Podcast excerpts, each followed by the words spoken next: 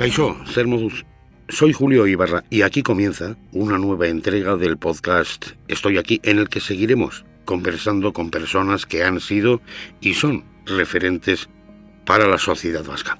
Un total de ocho entrevistas que inaugura en esta ocasión una mujer que desde luego ha sido un auténtico referente en el ámbito deportivo. Vamos a ver. Les voy a dar una pista. A. T. A. T. Zaña. Y dirán ustedes, pues no, pues. Portero, portera. Ainhoa Tirapu. Ainhoa, es que ricasco ¿Qué eso? Es que ricasco. Eres la portera histórica del Atlético de Bilbao. 15 temporadas en el equipo una de las jugadoras más laureadas, 358 partidos y además de defender la portería del Athletic, has defendido los derechos de las futbolistas. Bueno, así un poco de todo, ¿no? Has comentado más o menos el, resumen de los últimos años de, fútbol, pero bueno, eh, es verdad que, que, me tocó estar más presente de cara al público en la defensa de aquel primer convenio pero a cada generación le toca una lucha y a nosotras nos tocó poner esa piedra el primero, ahora acaban de negociar el segundo y se seguirá creciendo. Es verdad que fue un punto de inflexión y, que fue duro y, bonito a la vez conseguirlo. Y luego pues han sido muchos años jugando a fútbol y en una portería y, y con lo especial que es eso. Ya sé que igual te parece excesivo, de que es demasiada grasa, demasiado jabón, pero eres la gran capitana, sobre todo para generaciones que empezaron a ver el fútbol femenino ya como una cosa seria. Hace mucho me, dijeron que, con saber que había sido capitana del Atleti ya les valía, no hacía falta conocerme más porque eso hablaba ya de mí lo suficiente, ¿no? No sé si tiene ese valor, pero bueno, además en el equipo femenino siempre se ha hecho por votación, entonces cuando tus compañeras te eligen para representarlas, pues qué, más que quieres, ¿no? Que, sentirte así de, respetada por tus compañeras, que yo creo que son las que tienen que, que baremar y en ese sentido, pues todos sabemos lo que significa el brazalete del Athletic y súper orgullosa de haberlo llevado. Pero la gran capitana dentro del terreno de juego y cuando ha habido que dar la cara también para defender, lo decía antes, los derechos profesionales o los derechos deportivos, los derechos humanos. Vamos a decirlo así de clarito, lo que es la igualdad y el pelear porque haya una concepción del deporte femenino en igualdad de condiciones en la medida en que la sociedad tiene que tirar por ahí, ¿no? Es que en el momento en el que te eligen tus compañeras para representarlas, eso lleva una responsabilidad también y eso es lo que, lo que se espera de ti y o al menos yo así lo entiendo. O sea, eh, la capitanía tiene una responsabilidad y hay que ejercerla. Vamos, así de claro. Y luego, pues de cara a la negociación del convenio, también, eh, pues se me, bueno, no sé si se me dio esa potestad o, o al menos sí la portavocía ¿no? en, en aquella negociación de, de, las jugadoras. Y lo mismo, pues cuando te eligen para algo, pues conlleva una responsabilidad y hay que asumirla. Y si estás ahí, pues, pues es a la que le toca. Pero vamos, que el trabajo es de, de todas, ¿no? Al final, el fútbol es un deporte de equipo. En aquella negociación iban 300 jugadoras eh, representadas y, y son muchas personas. Cuando se reivindica algo justo, hay que levantar la voz. A veces, pero también incluso hay que parar el juego para, en fin, visualizar la demanda. Si me permites, vamos a escuchar unas palabras tuyas. El mero hecho de que un evento deportivo no se lleve a cabo ya le da visibilidad, porque la gente que iba a venir pues no va a ver un partido, eh, las televisiones que lo iban a televisar no van a poder emitir nada, entonces ya tiene cierta visibilidad es duro tener que llegar a una situación de estas porque nosotras no queríamos llegar a esto, pero al final es la bala que nos queda para poder eh, llegar a firmar un acuerdo. En definitiva, y no parar para empujar. Sí, a nadie le gusta tener que llegar a, ese extremo. Eh, al final eh, nos gustaría a todos conseguir lo que creemos que es justo de una manera más sencilla pero no siempre se puede y al final todas las herramientas están para, para utilizarlas, ¿no? En aquella época todo el mundo eh, nos apoyaba con unanimidad, todos los partidos políticos, eh, que es cosa muy difícil eh, que todo el mundo esté de acuerdo en lo que reivindicas, con lo cual entiendo que era una reivindicación muy, muy justa, incluso mínima, porque luego a futuro pues, se han visto algunas cosas y, y no nos quedó otra, no nos quedó otra. ¿Qué se consiguió? ¿Fue suficiente? ¿Fue un paso adelante importante? Al final, cuando no tienes nada, marcar la primera línea es importante. Eh, podríamos haber estado intentando apretar muchísimo más. Hay gente que consideraba de inicio que había que solicitar el mismo salario mínimo que en el masculino, reducirlo todo al dinero, cosa que ahora a día de hoy todavía es un abismo la diferencia entre el masculino y el femenino. Entonces, eh, había que marcar sobre todo las bases eh, en cuanto a derecho laboral. Había gente con jornadas parciales por debajo de la media jornada, que tenían 17 horas semanales de contrato. Gente que no tenía contrato como futbolista, sino como empleada. Eh, muchas cosas que había que regular. Y luego a partir de ahí, pues al final también es verdad que el fútbol tiene esa parte de mercado que, que se mercadea con las jugadoras, por decirlo de alguna manera, y que si el salario se quedaba justo, enseguida se iba a, subir o se iba a ofertar porque la oferta y la demanda de jugadoras pues eh, era la que era. Entonces nos centramos mucho más en, otros aspectos que en la parte económica. A día de hoy creo que nos quedamos cortas en la parte económica, sí. Prácticamente el salario mínimo interprofesional alcanzó el acuerdo antes de que cayera la vigencia. Eh, ahora han negociado y tampoco han conseguido marcar una diferencia muy alta económicamente. A lo mejor si aquella primera línea la hubiésemos marcado más alta, ahora la condición sería otra. En el comparativo con los chicos, todavía estaréis años luz, digo yo. En la materia económica sí, eh, al final eh, muchas veces se ha pensado en la viabilidad de los equipos que no tienen una estructura masculina y en generar recursos suficientes que hagan que que el crecimiento sea estable. Entonces, en, ese contexto, pues eh, la diferencia todavía es abismal. Ahora bien, es verdad que el nivel de endeudamiento que se permite en el fútbol masculino en otros sectores no se permite y que, bueno, eh, la rentabilidad eh, hay que cogerla un poco con pinzas también. Apostáis por la profesionalización en el sentido estricto de la palabra, plena dedicación, por decirlo, a un deporte, en este caso el fútbol, con lo cual la dedicación plena tiene que tener una sujeción económica también a otros ámbitos, digamos, pues de facilitar determinadas instalaciones, facilitar una formación, en fin, una calidad que te permita luego ejercer con calidad. Está claro, al final si no tienes la capacidad de entrenar en las mejores condiciones, tus posibilidades de desarrollo son menores. Eh, es decir, si tú vas a entrenar después de haber trabajado ocho horas, pues obviamente el rendimiento en el entrenamiento y el aprovechamiento de ese entrenamiento es peor. Si las condiciones que te rodean en ese entrenamiento no son buenas, pues tu entrenamiento es peor y del peor entrenamiento, pues un peor desarrollo. Entonces al final todo es una bola.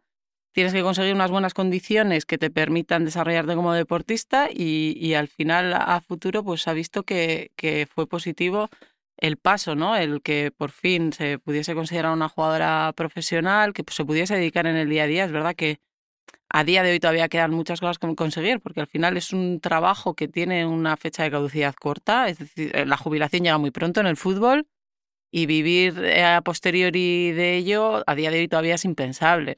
Eso en el masculino sí, porque se consiguen ingresos económicos que te pueden permitir, teniendo cabeza de inversión y demás, eh, a futuro vivir. En el femenino todavía no, te vas a retirar con 35, 37, incluso alguna llegada a los 40 años y hay que tener otras opciones, otro colchón. Bueno, todavía queda trabajo por hacer, pero bueno, el, ser capaz de, dedicarte al 100% de tu tiempo al deporte hace que te desarrolles mucho más y que tengas pues la posibilidad de ganar cosas, por ejemplo. A mí una cuestión que me llama la atención, lo de la profesionalización. Profesionalizar el deporte femenino no es volver a caer en los mismos errores que han cometido los hombres durante un siglo. No tiene por qué, se puede crecer de otras maneras. Eh, no, no tienes por qué imitar el modelo al 100%. Pero hombre, si quieres que sea un deporte de calidad, que, que tenga cierta repercusión, que atraiga y demás, pues tiene que estar en condiciones. O sea, nadie quiere ver un partido de fútbol en un campo donde el balón está más rato botando que por el suelo rodando. Eh, eso es una realidad televisar un partido en un campo de hierba artificial es un infierno frente a uno de hierba natural. Nadie pone en duda eso. Una velocidad de circulación de balón en un campo de hierba cortita y mojada no tiene nada que ver con otro eh, estadio, ¿no? Pues esas cosas al final hacen que el desarrollo del deporte sea más positivo y luego el cómo te desarrollas, yo creo que ahí sí que pues no me gustaría que se convirtiese en lo que hoy es, eh, hoy es el masculino, ¿no? Una burbuja inaccesible. eh, en general estoy hablando, estoy hablando de generalidades, Sí, luego siempre hay excepciones, pero, ten. pero bueno, eh, eh, yo qué sé, en Lezama las jugadoras siguen quedándose después de los partidos a firmar a los aficionados, que eso lo llevamos haciendo muchísimos años, aun- aunque sean profesionales. Ahora te voy a meter el dedo en el ojo. O bueno, les voy a meter el dedo en el ojo. No como otros. Bueno, también se hacen cosas, que vamos hablando así y luego al final se, se hacen cosas. Yo creo que el modelo y el fútbol femenino, teniendo el, el aficionado que tiene o la afición que tiene, que es familiar, tiene que mantener el vínculo. Porque si no, pues es, se tiene el riesgo de convertirse en una copia de lo que ya existe, de un A esto modelo. Que en algunos aspectos está bien, pero en otros no está tan bien, y entonces hay que buscar su espacio también. Y en ese sentido, si crecen eh, teniendo en cuenta todas esas variables, creo que hay un espacio para el fútbol femenino de crecimiento y, de desarrollo. Yo antes de empezar la entrevista le he pedido a Ainhoa que me firme la camiseta histórica que tengo, que tiene hasta manchas que no se quitan nunca, del Athletic, porque de lo que yo te he seguido y lo que yo he leído eh, sobre lo que tú consideras que es el deporte, por ejemplo, la cuestión de los valores deportivos, la formación, la cantera, impulsar la cantera e impulsar los clubes convenidos, intentar para bien, que no tenga que la, la jugadora marchar a donde fuera, pues porque no hay manera de sobrevivir en, en- en- casa, ¿no? Esa serie de valores me parece que van, o por lo menos a nivel teórico, van muy vinculados a lo que es el Athletic Club de Bilbao, los has defendido tú siempre. Y digo yo, ¿la profesionalización apoya o va a la contra? Es complicado de, de definir en ese sentido, porque al final eh, la profesionalización trae unas cosas que son entradas económicas, eh, patrocinadores y demás. Hay fichajes, antes no se pagaba dinero por, por una jugadora, porque normalmente los contratos duraban un año, se acababa el contrato y la jugadora era libre para hacer lo que quisiera. Ahora sí que se pagan eh, pues ya cantidades cercanas a los que no me acuerdo cuánto es lo último que, que he leído por el fichaje de Mayra, pero había sido de récord. Quiero decir, ¿se empieza a mover dinero? Sí, eso puede ser positivo y negativo. Positivo en el sentido de que la jugadora pues, va a tener recursos y negativo en el sentido que el romanticismo este pues, eh, puede desaparecer. Pero es que no se le puede exigir a una jugadora que sea profesional a cambio de nada. Y antes era así. Evidente. Antes tenías que tener comportamiento profesional, eh, tenías Por que tener una arte. dedicación eh, profesional, pero trabajando a la vez o estudiando a la vez, y encima, eh, pues al final tu posibilidad de desarrollo estaba muy mermada, ¿no? Entonces, yo creo que en equilibrio las cosas pueden hacerse de una manera más positiva y, creo de verdad en el modelo de fútbol femenino que puede ser diferente. Esa diferencialidad, desde el punto de vista del fútbol femenino, ¿en qué podría consistir? Porque a fecha de hoy el fútbol, como deporte profesional, parece que es sota, caballo, rey. Yo creo que está más en el, vínculo con el aficionado, en el entorno de, de la competencia sana, el, pues entornos en los que, por ejemplo, eh, no se vean actitudes como las que se ven en algunos campos, ¿no? Con comentarios racistas y demás, porque al final con un público familiar tienen que ser entornos más seguros. Entonces, algo diferente en ese aspecto. Es verdad que la jugadora pues tiene derecho también a poder ganarse la vida como, como jugadora, ¿no? Y que no que no tenga que renunciar a la parte económica por el romanticismo del fútbol porque tengo que parecer ser diferente. Tiene derecho a tener valores, a tener una vinculación con su aficionado de otra manera y, y además de todo eso, poder ser una futbolista profesional que se puede dedicar, que puede estar preocupada por su estado físico mental de cara al fútbol, que le permita pues tener un éxito deportivo, ¿no? Creo que se pueden hacer las dos cosas o me gustaría, a lo mejor soy un poco ilusa eh, y, y estoy un poco equivocada, pero a mí me gustaría pensar que se puede crecer en un sentido manteniendo la esencia. O a lo mejor es que eres un poco del Athletic. ¿m? A lo Me mejor refiero. puede ¿eh? y que Eh, el fútbol lo entiende de otra manera, ¿no? Ahí voy porque es, eh, a ver, una excepción, ya lo sabes tú mejor que nadie, pero esa profesionalización llevada al extremo nos trae Mira, Bielsa nos decía que éramos unos privilegiados porque teníamos la capacidad de, de generar emociones en la gente. Sin y eso es verdad. Sin duda. Y es súper bonito. Pero yo creo que lo que nos falta como sociedad es entender que, que los futbolistas son personas.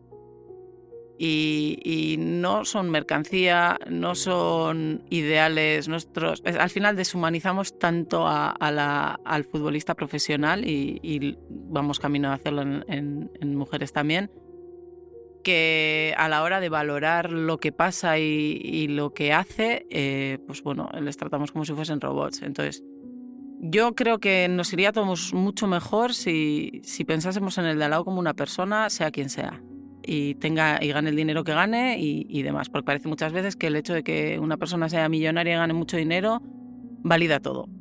Yo no estoy para nada a favor de eso, eh, soy bastante radical en contra, de hecho. Eh, siempre que me plantean esto de con lo que gana, digo, no me vale el argumento. Y si todos eh, como sociedad nos mirásemos como personas, creo que serían modelos mucho mejores. Pero bueno, eh, al final el hecho de que se genere una burbuja, que una persona que tiene dificultades económicas vea que el otro, pues por pegar cuatro patadas al balón, como se dice, es millonario y demás, creo que genera unas rencillas que, que son complicadas y que generan unos entornos un poco complicados. Está como muy desorbitado, ¿no? Entonces al Ahí final está. yo también entiendo que esa polarización en lo económico genere, genere este tipo de comentarios, pero de verdad que son personas. Que, Pues, lo sé, lo sé. Pero quiero decir que en, el, en lo que se, el percibido en la sociedad o lo que fuera, ¿no? Parecía hasta obsceno a veces el decir, vamos a ver, pero ¿cómo se puede hasta jugar hasta con el presupuesto, no sé, de un pueblo? eh, solo para traerle a este o a esta o lo que fuera. ¿Dónde queda el deporte? Lo que pasa que de momento, por ejemplo, el fútbol está buscando crecimiento para encontrar su rentabilidad y no depender del dinero que genera el fútbol masculino. Está en ese proceso. Veo difícil llegar a un punto en el que te tengas que endeudar, eh, vender eh, activos futuros y demás, como está pasando en el masculino, ¿no? Vamos, no lo veo ni, ni cerca ni, ni creo que vaya a llegarse a ese punto, porque seguramente ese tipo de modelo pues dejará de funcionar y no será el objetivo.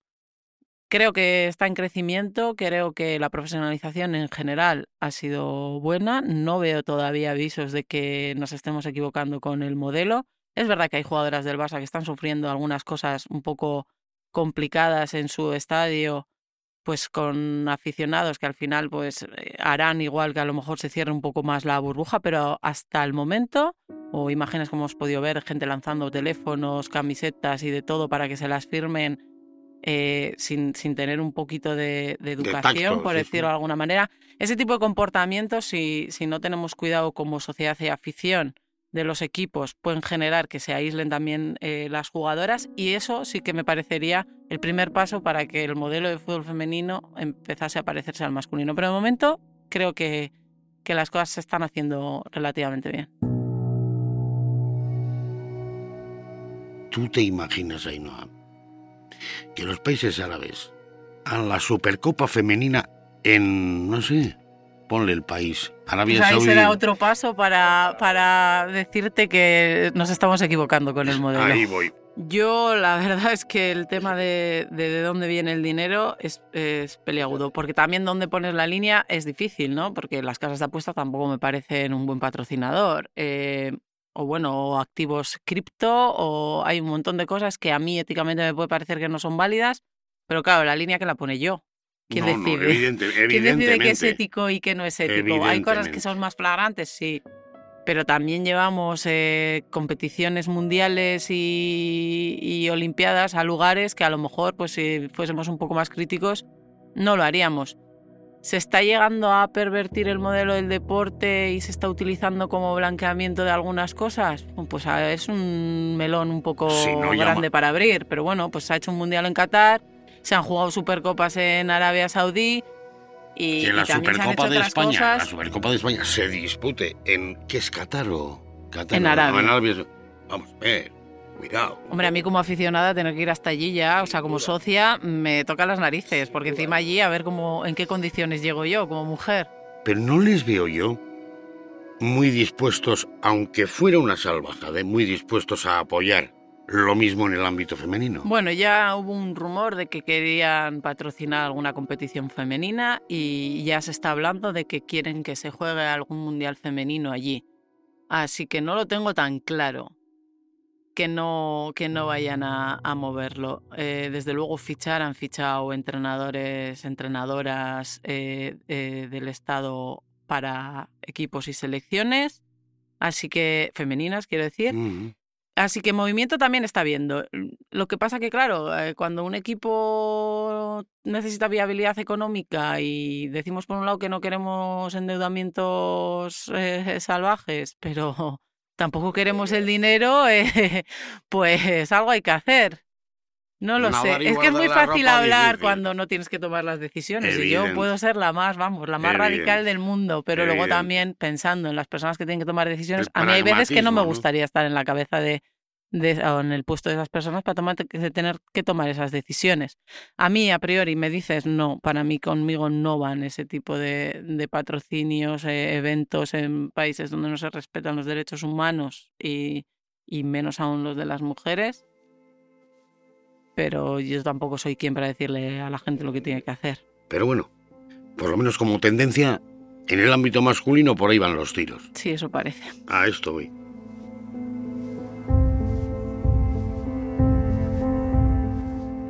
Ay, no, no.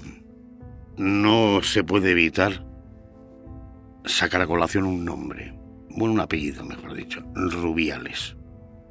No, al final es eh, la representación de un sistema eh, que lleva muchos años en, el deporte en general, en el fútbol en particular. Eh, pues bueno, es algo que viene de la sociedad y pues menos mal que pues poco a poco vamos cambiando un poco la perspectiva social y este tipo de cosas no, no pasan desapercibidas y se normalizan, ¿no? Eh, yo creo que fue lo suficientemente grave todo lo que pasó como para que se montase la que se ha montado, no tengo ninguna duda. Lo que pasa que veníamos de años en los que cosas parecidas podían pasar y, no pasaba nada. Entonces entiendo que había personas que pensaban que, que, eso iba a ser para siempre, que se podía actuar de cualquier manera que se pueden hacer según qué gestos en un palco, que yo creo que cualquier persona que haya estado en un palco le chirría lo que, lo que se vio ahí, porque todos sabemos cómo hay que comportarse en un sitio como ese. Con educación como mínimo. Como mínimo, sí. con educación hay que comportarse en la vida siempre, pero en un palco de autoridades siempre hay que estar más correcto. No se pueden ni celebrar los goles, como, como ya sabemos. Eh, cada vez que, he tenido que ir al palco de Amames lo he sufrido. Y ya si a eso le sumas que en una situación de, de poder, de, eh, al final eh, actúas como actuaste, sí, eh, pues tienes todas las papeletas para que, para que te pase lo que le ha pasado al señor Rubiales. Que al final yo creo que, pues no sé si la exaltación de que toda su estrategia en el fútbol femenino le había salido bien, le ha pasado factura. Al final él se plantó contra 15 jugadoras, las dejó fuera y aún y todo habían ganado el Mundial y yo creo que en esa burbuja de éxito eh, no supo medir eh, lo que hacía y le pasado factura y, bueno, es al final a mí lo que me da más pena de, todo esto es que hay una jugadora que sin haber hecho nada eh, ha estado en la boca de, todo el mundo y ha tenido que pagar un, precio cuando el que ha actuado mal es el señor Rubiales y ella no ha buscado esta situación son cosas que todavía nos quedan por ganar desde el feminismo y, al menos esto creo que marca un punto de inflexión y que las cosas se, se van a hacer de otra manera.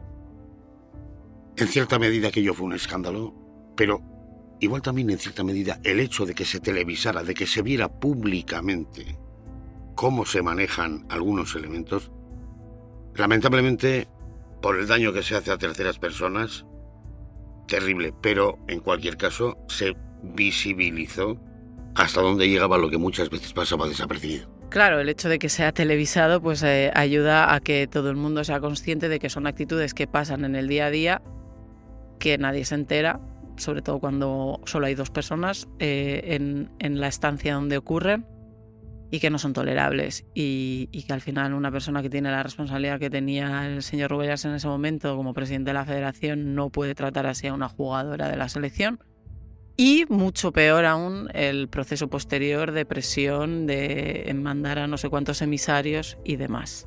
Pero bueno, es un hecho que se va a juzgar, veremos en qué acaba. Yo más que nada estoy preocupada por la salud de Jenny, que ha sido compañera y lo sufrí con ella en, el verano y porque al final es muy injusto que sin hacer nada el foco se ponga sobre tu cabeza. Sin duda alguna.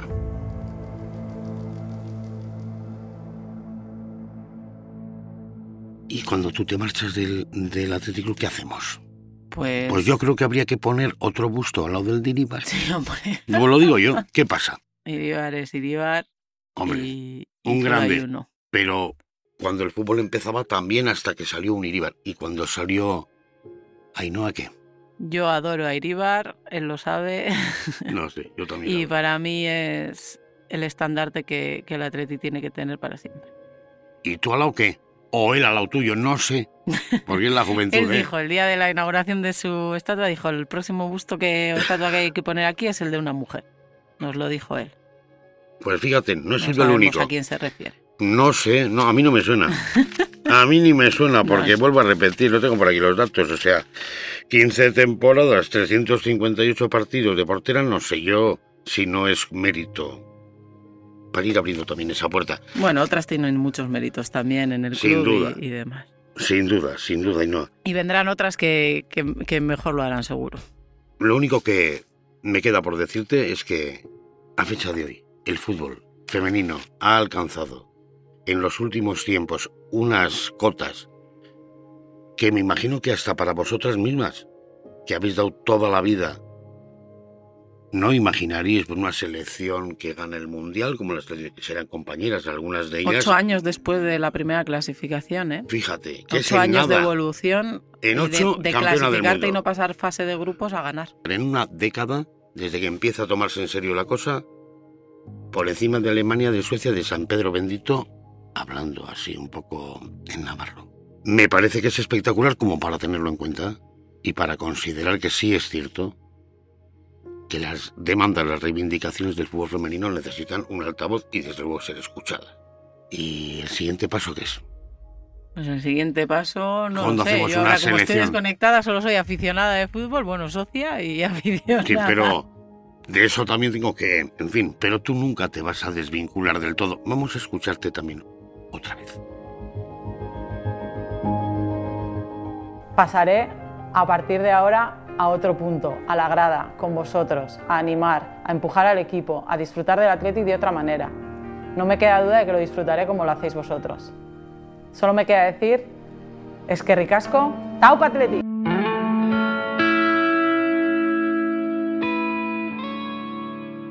¿A qué me pongo a llorar? Menudo, menuda concentración de pandemia en casa. Espera. No sabes lo que me costó grabar aquello, ¿eh? Yo es que siempre a la primera me suele salir todo bastante chucún. Aquello hice 200 eh, repeticiones. Hay veces que es difícil hasta verbalizar lo que fin, te sale por el poro, ¿no? Muchos años al final. Muchos Mucho años. sentimiento, muchas cosas vividas, muchas celebraciones, muchas tristezas. No sé, te sale todo cuando haces el resumen. Pero lo único bonito, seguro, estoy convencido, es que tú sabes lo que te quiere, lo que te quiere toda la gente que durante tantos años te ha apoyado, ha apoyado a tus compañeros y ha apoyado al club. Eso, que no soy pagar con pasta. No me puedo quejar, la verdad, de cómo se trata la afición surigol. Sin duda alguna. Y además yo tengo el privilegio de que me has firmado la camiseta y para mí eso ya es el no va más. Es que ricasco bihotzetik. Berdin, es que ricas. Estoy aquí, presentado por Julio Ibarra, dirigido por Eva Mateo, producido por Miren Esparza, editado por Ibai Elorza, una producción de New Digital Media Euskadi para EITV Podcast.